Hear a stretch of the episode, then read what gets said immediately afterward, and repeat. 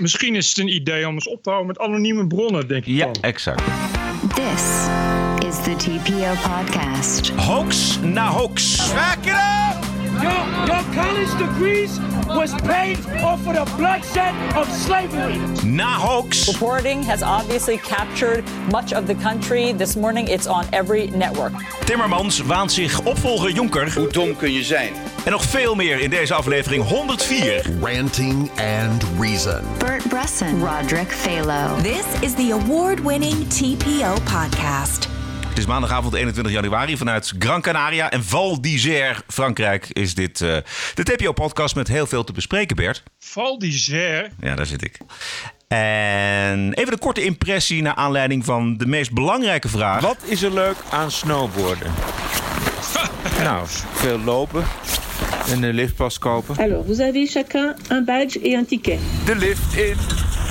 Ja, en dan eenmaal boven. Weer naar beneden.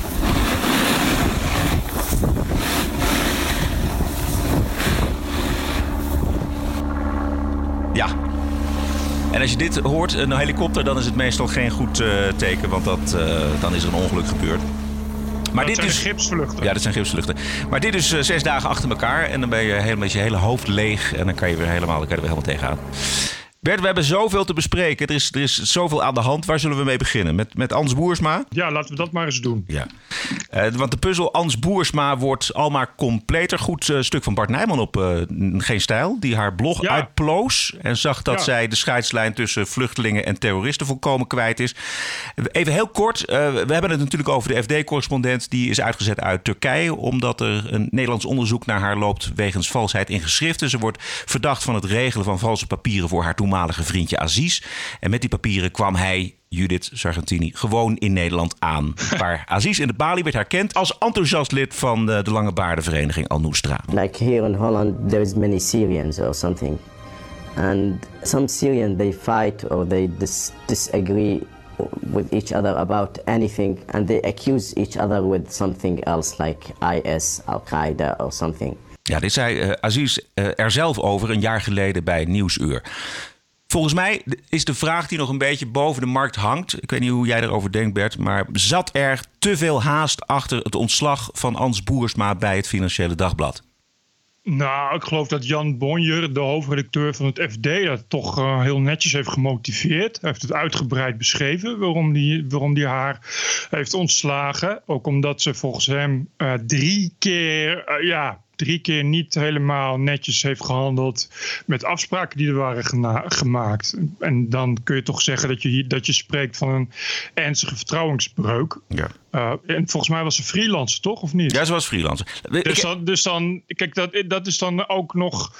Kijk, als het iemand in dienst is die er al 30 jaar zit, dan is dat toch. eh, Weet je, als je chef-redacteur, eh, die ontsla je toch minder snel dan, dan een freelancer. Van van ja, je hebt mijn vertrouwen geschonden, dus laten we de overeenkomst opzeggen. Als je journalistiek wil bedrijven in Turkije, wat een uiterst moeizaam land is voor, voor, voor journalisten, dan moet je aan je hoofdredacteur, voordat hij een beslissing kan nemen over jouw uitzending, openheid van zaken geven.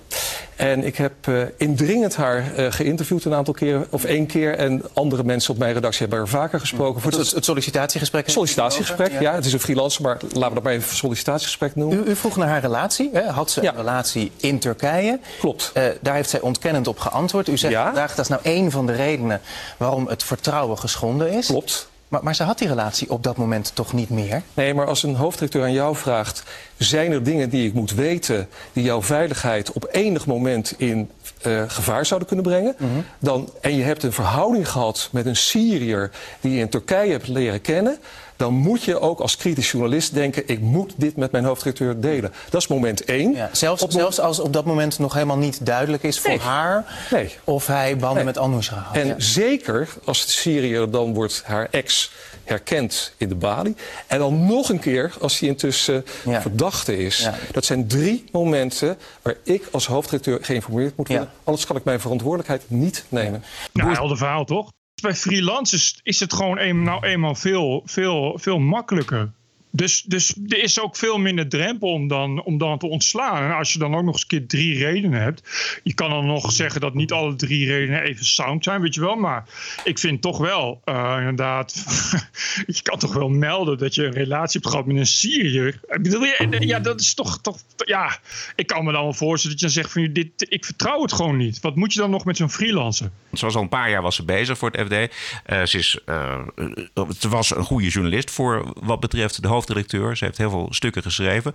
Um, nu wordt er gezegd, ja, ze is biased, ze is uh, vooringenomen en uh, ze heeft het vertrouwen geschonden. Maar dat, dat blijkt allemaal niet uit al die stukken die ze geschreven heeft voor het Financieel Dagblad en die geplaatst zijn. Dus tot deze week was het een voorbeeldige ja, correspondent. Eens, nee, ze heeft niks gefabuleerd of nee. zo. Ja, het is geen, geen, uh, dat, het is geen per die. Nee, dus is mijn vraag: heeft de hoofdredacteur van het Financieel Dagblad onder druk van de publiciteit gehandeld? Zou dat kunnen? Ja, ik weet niet of je dat dan zo, zo moet zeggen. Volgens mij onder druk van het prestige wat je draagt. En, en dat is volgens mij gewoon het probleem. Of het probleem, dat is waar het dan om gaat. Je kan daar, je, je kan daar als, als kleine lokale krant of, of, of als online medium kun je, daar, kun je dat verder rekken dan als FD. Ja. Uh, ik, ik weet het niet. En, ik, ja, nee, ja, kijk, zo iemand voelt natuurlijk ook, behalve druk van de media vast ook druk van zijn uitgevers en, en van de rest van de redactie. En bespreekt zoiets ook met, met, met zijn redactie of met zijn redactieraad. En uh, uh, ja, ja, nou ja, ik, ik, ik, ik bedoel, ik, ik weet het ook niet, maar de, het, is, het is, ik denk dat prestige speelt wel mee. Maar dat, ik, ik vind dat in dit soort, dit soort kwaliteitskrant, want het is een goede krant, ja. een betrouwbare krant vind ik dat wel belangrijk dat dat dan meespeelt. Oké, okay, als jij in de schoenen van Jan Bonjer had gestaan, had jij precies hetzelfde gedaan. En met dezelfde snelheid. Uh, ja, dat, dat, dat weet ik niet. Maar uh, als je zegt het argument is prestige en druk vanaf prestige, dan zou ik zeggen ja. Wat vind jij van de hele zaak, wat je tot nu toe gelezen hebt erover? Je ziet, als je ook die blogjes die Bart Nijman heeft opgeduikeld, ja. zie je daar de, de, die verschrikkelijke, ja, goedmens naïviteit borrelt daar telkens tussendoor. Weet je, ze schrijft op een gegeven moment ook, ik geloof vlak voor of vlak na de aanslag op Charlie Hebdo, vlak daarna, ja, nee, 17 doden is erg, maar misschien moeten we ook maar weer eens gaan kijken uh, over de Europese normen en waarden of die niet eens moeten gaan aanpassen. Weet je, en dat soort ja. dingen. En, en, en, en dat ze het helemaal eens is met, met een stuk in de NSC... wat betoogt dat vooral uh, Assad de grote schurk is en niet ISIS. En dan denk ik van ja, ja, weet je, dit is... Dit is dit, en ze, komt ook, ze heeft ook een liefde voor de correspondent. Ze citeert ook Rutger Bregman uh, meerdere malen... in een soort, soort suikerzoet, pathetisch, pathetisch gewal over, over... dat als je iedereen maar leert kennen... dat elke vluchteling fantastisch is. Ja. Het is, zit er heel diep in het... En die mevrouw is natuurlijk ook een christen. Ze geeft ook les op die, die hogeschool in Ede, ken ik. Dat is een hele christelijke school. Je kan daar, als je daar les geeft of leerling wordt... moet je wel een soort beleidenis ondertekenen. Dat soort dingen. Dus, dus het is niet zomaar... Dus je voelt er een, een soort, ja, die weg met ons mentaliteit zit daar natuurlijk vuistdiep in. En ze is natuurlijk ook echt als hulpverlener, als hulpverlener naar Lesbos gegaan. Ja, het is natuurlijk niet zeker, maar het is misschien zo dus dat ze iemand aan valse papieren heeft geholpen. Dat onderzoek loopt nog? Dat, dat, ja, dat, dat onderzoek loopt nog. Maar stel dat het zo is en het gaat om een terrorist, kun je zeggen, nou, dat is geen, uh, dat is geen kattenpis. Oké, okay, uh, we kijken naar uh, Amerika natuurlijk zo meteen. Jazeker. Ja. Nou. TPO Podcast. Maar de Partij van de Arbeid die had ook een congres over de nieuwe lijn en over de verkiezingen natuurlijk. Nou, moet ik heel eerlijk zeggen dat ik dat wel geloof, dat partijcongres. Ja, uh, jij... ik wou net zeggen, hadden die een congres? Ja, die hadden een congres. er waren tijden dat iedereen dat wist. Ja, ja, dat ja. het breed werd uitgemeten. Ja, nee, dat is niet meer het geval. Maar wat wel ontzettend leuk is, is de campagne van uh, Frans Timmermans. Want uh, hij zal en hij moet Jean-Claude Juncker opvolgen. En dat gaat hoogstwaarschijnlijk niet lukken. Maar als dat wel lukt, dan wordt de relatie met de Verenigde Staten in ieder geval een heel stuk mooier. Kijk eens even naar de uitdagingen waar we voor staan. Klimaatverandering. Een Amerikaanse president, de eerste in de naoorlogse geschiedenis, die oprecht schijnt te denken dat een verdeeld en zwak Europa beter voor de Verenigde Staten is dan een verenigd en sterk Europa. Hoe dom kun je zijn? How stupid can you be? Trump kennende maakt hij heel veel punten. ik begrijp ook dat uh, de, de, wat was het, de diplomatieke waarde van de EU was al teruggeschroefd. Ja, ja dat is nu daar de, onder het, onder het als, nulpunt gedaald volgens mij.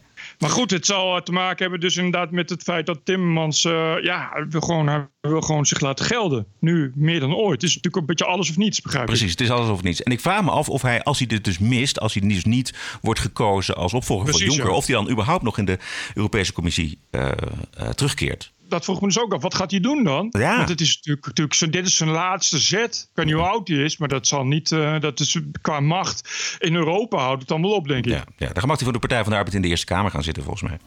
TPO Podcast. John de Mol, die is dus RTL aan het leegkopen. En die had, een, uh, ja, die had een uitgebreid verhaal, 17 minuten lang, bij de Wereld Draait Door. Uh, nou ja, dat was een goed gesprek, vond ik een goed verhaal. En als je naar hem kijkt en hoort, denk ik, wat is John de Mol toch een baas? Dat is iemand die, uh, ja, het is gewoon een ondernemer in hart en nieren, die zich verder aan niets gelegen laat behalve zijn eigen koers te volgen. Ja, en wat is de portée van zijn verhaal? Nou, de portée van zijn verhaal is dat hij wel heel eerlijk is over dat de kijkcijfers natuurlijk ernstig teruglopen. En dat het op deze markt een goed idee zou zijn als beide uh, bedrijven RTL en SBS samen gaan, omdat je steeds meer versplintert. Uh, ja, en zijn porté is, dat geloof ik niet helemaal. Hij, hij zegt dat hij, dat hij een groot, fijn familiebedrijf wil maken. Maar ik geloof dat hij, dat hij meer bezig is met dingen zoals hij altijd doet, in de etalage te plaatsen. Zodat hij het straks met winst kan verkopen aan een internationale koper. Dat hele SBS en, en, en zijn belangen daarin. Uh, maar wat hij doet is entertainment maken. En wat hij doet is entertainment verkopen. En daar is hij gewoon heel goed in. Uh, en wat je krijgt is heel veel haat. Dat mensen zijn daar heel boos over. Die vinden het ook allemaal, allemaal heel raar dat sterren dan weggaan. Terwijl Linda de Mol is gewoon zijn zus. Dus het is niet zo heel raar dat die overstapt. Wie zijn er dan boos? Hollanders. Hollanders. Op, de, op de Twitter. Ja. ja. en hij zat toch ook openlijk te flirten met Matthijs van Nieuwkerk. Oh, ja. En zei nou, een, een, een, programma als De Wereld Draait Door zou het echt uitstekend doen ja. op een van mijn zenders. En iedereen weet dat Matthijs van Nieuwkerk straks uh, echt een fractie van wat hij nu verdient mag gaan verdienen. Omdat de NPO niet meer, niet meer dan anderhalve ton of zo aan, aan, aan presentatoren mag geven. En hoe reageerde Matthijs van Nieuwkerk op die uh, avances? Nou, wel uh, uh, schunnig, schunnig lachend. En zo van, nou, we zullen zien. Dus, dus ja, het was, het was toch een beetje... Er werd daar een spel gespeeld, ook naar de kijker toe. John de Mol, natuurlijk, ja, die heeft die lui straks. En dat, is dus, ja, dat geldt natuurlijk ook voor, voor, voor Yvonne Jaspers en Eva Jinek. Die heeft hij straks, als die contracten zijn afgelopen, heeft hij voor het wegkopen. Want om geld is John de Mol niet gelegen. Die kan dan een miljoen of 1,2 miljoen verdienen. Terwijl, ja, BNN Vara moet dan straks tegen Matthijs zeggen... nou ja, we kunnen eigenlijk niet meer dan, uh, ja, pak een beetje 1,8 ton per jaar bieden. Eigenlijk wil hij één grote commerciële omroep naast de publieke omroep hebben. Ja, en, en, en wat hij doet is ook digitaal. Hè? Hij is dus wel. Uh, hij heeft die ook die videokanalen en, en iedereen kan, kan apps downloaden. En hij wil zoveel mogelijk data verzamelen. Dus dat is een strategie die Facebook en Google ook hebben. Hij, gaat, hij wil echt verdienen ja, op de manier waarop je tegenwoordig het best kan verdienen. En dat is door data te verkopen en adverteerders. Ja. We gaan naar Amerika toe.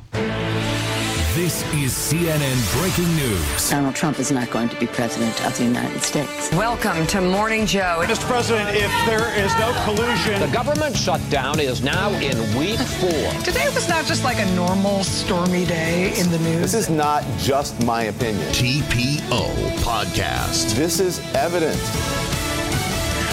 Ja, de hoax, het nepnieuws kwam afgelopen weekend uit Amerika. En Nederlandse media die namen dat allemaal graag over, van NOS tot uh, Telegraaf. Maar in Amerika zetten de media het nog wel recht. Nederlandse media krijgen het eigenlijk niet over hun hart om de, de nepnieuws weer recht te zetten. Straks de BuzzFeed hoax, eerst het Lincoln Memorial verhaal. Er verscheen een, een, een video waarop te zien was hoe wat roomblanke jongetjes met Make America Great Again uh, petjes. En het was duidelijk dat dat jongens waren van een katholieke school die liep in een pro-life march, dus, dus tegen abortus. Uh, in het filmpje zie je, lijkt het alsof ze uh, een Indiaan, of uh, hoe zeg je dat tegenwoordig? Een Native American. Die, oh, sorry. Die maken ze belachelijk. Daar lijkt het in elk geval op. Zo wordt het geframed, zo ging het de wereld in. En iedereen nam dat over van schande. Er werd echt, echt, echt een een, een totale haat op die jongens. Echt geunleashed. Van echt van de totaal nieuwe dimensie aan haat. Terwijl je denkt, het is al. De haat kan niet erger in Amerika. Maar dit was echt mensen die opriepen om die jongens in de school op te sluiten. En dan de school af te branden. Uh, zijn gegevens online te zetten. Al die jongens te belagen. Het was echt. Ze moesten allemaal kapot. Ze moesten allemaal dood. Want het waren zulke verschrikkelijke racisten. En dat kwam, dat begrijp je allemaal. Doordat ze Make America Great uh, patch dragen. Want als je dat draagt, word je verschrikkelijke racist. Dat ligt voor de hand. Toen ineens bleek er veel meer aan de hand zijn. Want er verscheen een filmpje wat uh, uh, ja, de context schetst. En wat je dan ziet, is dat de jongens staan daar gewoon heel braaf te demonstreren. Er gaat niks verkeerd. Uh, en en die, die Native American, die rode huid, gaat dan zelf naar die jongens toe. En wat er gebeurt lijkt er heel erg op dat hij juist bewust bezig is met die jongens te provoceren. Sterker nog. Maar het, het zijn vooral die andere uh, groep uh, demonstranten die die jongens aan het uitdagen zijn. Juist. Minuten achter elkaar. The Catholic high school student who comes face to face with a Native American elder in a viral video is now responding. In a statement, student Nick Sandman says the viral video does not reflect the true nature of events when the students arrived at the Lincoln Memorial. When we arrived, we noticed four African American protesters who were also on the steps of the Lincoln Memorial, he said. The protesters said hateful things. Indeed, a small group of black men who identify as Hebrew Israelites did say hateful things to seemingly everyone around them, including a priest. Let's make America great again. A bunch of child molesting and the students. See how you got these pompous bastards come down here in, in the middle of a, a native rally with their dirty ass hat on? At first, the Catholic students there for the March for Life are still in small numbers, but more and more show up, watching but not engaging. The small group of men continue taunting them. A bunch of in incest babies. A bunch of babies made out of incest. Maar het, het meest fascinerende en het, het, is dat het filmpje viraal ging. Hè. De hele wereld heeft het gezien. Alle media mhm. Sprongen erop. Telegraaf, NOS, iedereen deed er uh, verslag van. En dat is het bijzondere van dit voorval. Want er gebeurde dus eigenlijk helemaal niks. Maar omdat die Exact. jongens daar met die megapetjes uh, stonden... en dat het allemaal uh, inderdaad roomblanke katholieke jongeren waren... voor Trump, werd het zo'n groot verhaal. Exact. Het was echt meteen en direct ook, om, omdat het bewust zo ook werd geframed. Dat, en dat was het kwalijke eraan, ja. dat het bewust op die manier in de wereld is gebracht. Precies, allemaal op basis dit, van een leugen. Je moet kunnen vertrouwen op die media, dat ze daar zeker, ja, in elk geval een kleine uh, rustpauze, een kleine afstand in nemen. Ja, maar het werd nog veel slechter, Bert. Want laten we even naar die, naar die BuzzFeed-hoax gaan. BuzzFeed Nieuws, een Amerikaanse nieuwswebsite. Twee anonieme bronnen hebben aan BuzzFeed verklaard dat uh, president Trump aan zijn toenmalige advocaat Michael Cohen gevraagd zou hebben om onder ede te liegen. CNN was niet meer te houden. Joining us by phone now is one of the investigative reporters for BuzzFeed News who broke this story, Anthony Cormier. Anthony, thank you so much for being here. Your reporting has obviously captured much of the country. This morning, it's on every network. I know that in the, the report you say that you have spoken, you have two law enforcement sources who tell you that they have seen evidence, texts, emails, a cache of other documents, maybe transcripts with other witnesses in Trump organization that Donald Trump pressured Michael Cohen to lie. He suborned perjury. Have you seen any of that other corroborating evidence? No, I've not seen it personally, but the folks that we've talked to, the two officials that we've spoken to, are uh, fully 100% read in uh, to that aspect of the special counsel's investigation. Hoe is dit mogelijk? Er was ook uh, iemand uh, van de New Yorker, daar was het ook aan aangeboden. En die heeft openlijk gezegd: ja. Ik wilde het niet brengen, nee. omdat ik ook al mensen had gesproken die daar om me heen staan. Die zeiden: ja, ik zou heel erg gaan twijfelen hieraan, aan deze beweringen van deze bron als ik jou was. Maar deze man accepteert het gewoon. Ja, veel erger nog. Ik weet niet of het deze was. Hij heeft het samen met een co-auteur geschreven. En die co-auteur is ook al veel vaker beticht van fabulatie. Van, van dingen verzinnen. Dus het is echt... Ja, het is van een bizarheid. En dat is toch tot daaraan toe dat BuzzFeed dat doet. Maar wederom, het is echt kwaadaardigheid van, van, van de media, van CNN, die daar direct opspringen en daar verder geen enkele moeite zich meer getroosten om nog iets aan fact-finding te doen. Het werd ont, ontkracht, ontzenuwd door nota bene iemand uh, op het kantoor Ja. van de speciaal aanklager Robert Mueller. Die komen nooit naar buiten. Maar die vonden dit blijkbaar zo Precies. belangrijk om te zeggen dat dit bericht gewoon absoluut niet klopte. Bij CNN zat een heel panel en een van de panelleden uh, die zei het volgende. The larger message that a lot of people are going to take from this story is that the news media are a bunch of leftist liars who are dying to get the president and they're willing to lie to do it. I just think this is a bad day for us. You know, it reinforces every bad stereotype about the news media. This is the TPO podcast. Uh, zelfde zender, andere analist, mevrouw Ariva Martin. Die valt iemand van Fox aan om zijn uh, witte privilege, om zijn white privilege. Uh, alleen David Webb, de man van Fox waar het om draait, is niet blank of wit. I've chosen to cross different parts of the media world, done the work so that I'm qualified to be in each one. I never considered my color the issue. I considered my qualifications the issue. Well, David, you know that that's a whole nother long conversation about white privilege and things that you uh, have the privilege of, of doing that people of color don't have the privilege of. How do And I have the your- privilege of white privilege? David, by virtue of being a white male, you have white privilege. This whole long conversation, I don't have time to get. Ariva, I hate to break it to You have to but you should have been better prepped. I'm black. Okay, then I stand. See, you went to white privilege. This is the falsehood in this. You went immediately with an assumption. Your people, obviously, or you didn't look. You're talking to a black man They who started out in rock radio in Boston, who crossed the paths into hip hop, rebuilding one of the greatest black stations in America, and went on to work for Fox News, where I'm told apparently blacks aren't supposed to work, but yet you come with this assumption and you go to white privilege. David, That's actually correct- insulting. It is, and I apologize because my people gave me wrong information. They they told me the whole me white privilege about- thing is David, insulting. can I can I apologize and correct the record? I want to apologize. I was given wrong information about you, and I apologize. But based on my But color, white- you were going to something that I was part of. And just to add to it, my family background is white, black, Indian, uh, Arawak, Irish, Scottish. I mean, it's so diverse. I'm like the UN when it comes to this. And this is part of the problem with driving a narrative around a construct like white privilege. Fantastisch fragment.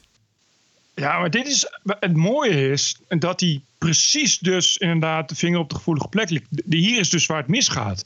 Dat, weet je, ze, ze controleren het niet eens meer. Dus dan, als je maar white privilege kan zeggen, eh, dan heb je al gewonnen, dan is het goed. Ja, ja. En, zo, en zo gaat het nu dus ook.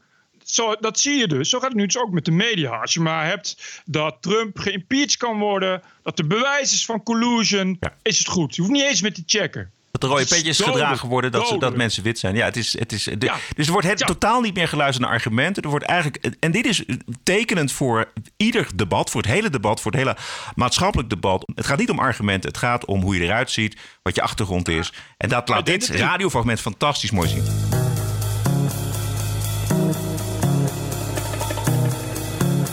TPO podcast.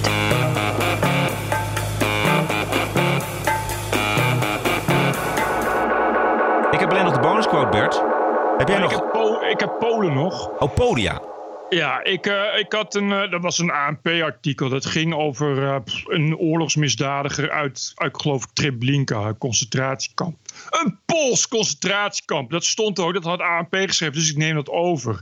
Eh, en toen kregen we eh, boze mailtjes van een anti-defamation league in Polen. Ja. Die zeiden van ja, je mag niet, eh, je mag niet Pools concentratiekamp schrijven. Dat is kwetsend voor Polen. Je moet schrijven concentratiekamp van nazi's in door nazi's bezette Polen. Dat is die wet die is aangenomen volgens mij een half Ja, jaar geleden in. Polen. Precies, daar kom ik nu op. En dat, en dat heeft dus te maken met dat die, die regeringspartij, die PIS, die hebben dit soort wetten doorgevoerd. Dat je eh, Polen en, en de holocaust, je moet vooral denken dat Polen beslist niet antisemitisch waren. en uh, de holocaust allemaal de schuld van de Duitsers. Polen waren allemaal liefjes, zoiets. Dus, en je mag dan niks meer kwetsend zeggen over, over Polen en de holocaust. Dus je mag ook niet meer zeggen, uh, Auschwitz ligt in Polen. Weet je wel, dat mag je dan wel zeggen, maar dat is dan voormalig Auschwitz ligt in, in, in, in Auschwitz, dat ligt in Polen, et cetera. Nou, allemaal heel veel gelul, weet je. Al 75 jaar weet iedereen waar het over gaat.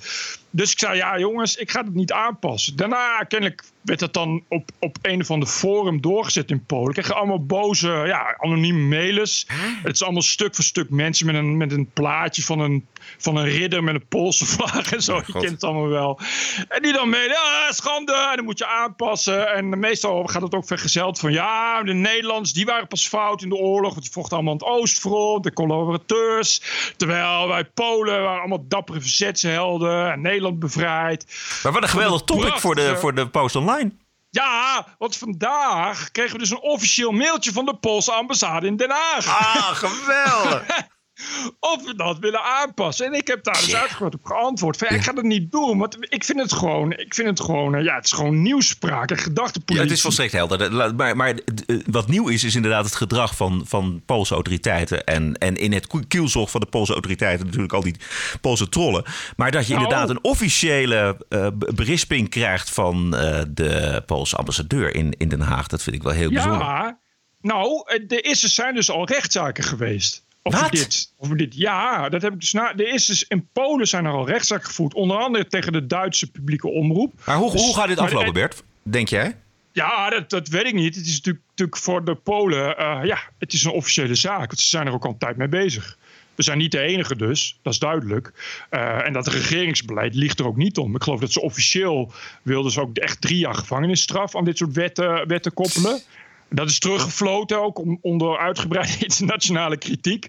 Die natuurlijk wel een beetje terecht was. Van ja, het, je- wordt wel heel erg op deze manier. En de kritiek is dus inderdaad van ja, dit zijn echt nationalistische belangen. Jullie hopen vooral daarmee je eigen straatjes schoon te eh, vegen. Dat als er straks Poolse oorlogsmisdadigers opduiken, dat ze dan zeggen: Oh nee, dat mag je niet zeggen. Want dat is, eh, dat is eh, kwetsend voor Polen. Weet je? Dus, dus er zit natuurlijk een angel aan die niet bij iedereen even goed ligt. Want ik begrijp dat Israël.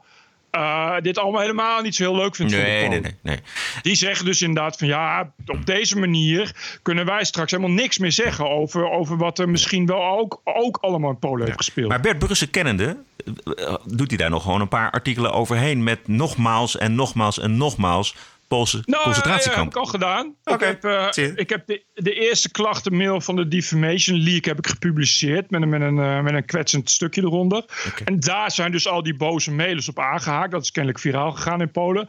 En dit, dit, deze, eh, eh, eh, deze mailing van de ambassade heb ik ook op geantwoord, uitgebreid op geantwoord. En ook inderdaad gezegd van ja, ik vind dat jullie gedragen als eh, gekwetste sneeuwvloks in een safe space. En het lijkt mij dat er veel belangrijke zaken zijn in Polen. Misschien kun je daarmee bezighouden.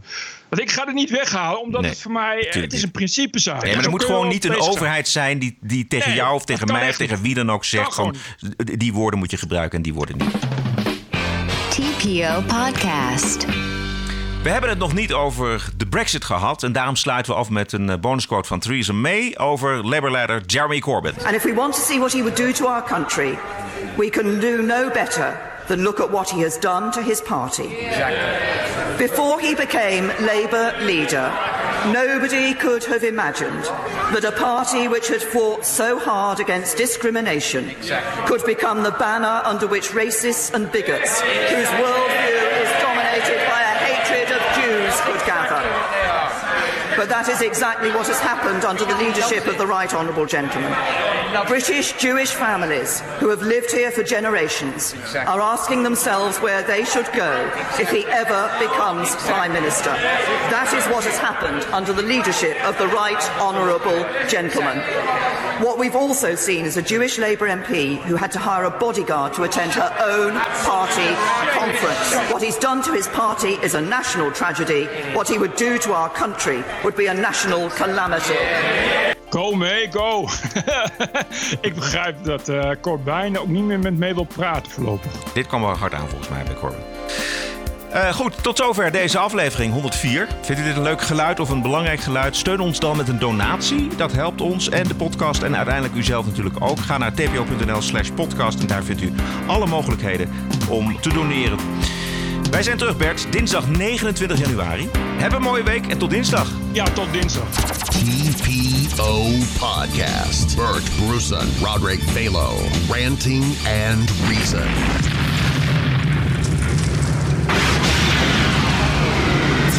TPO Podcast. The award winning TPO podcast can be heard on the No Agenda stream at noagendastream.com.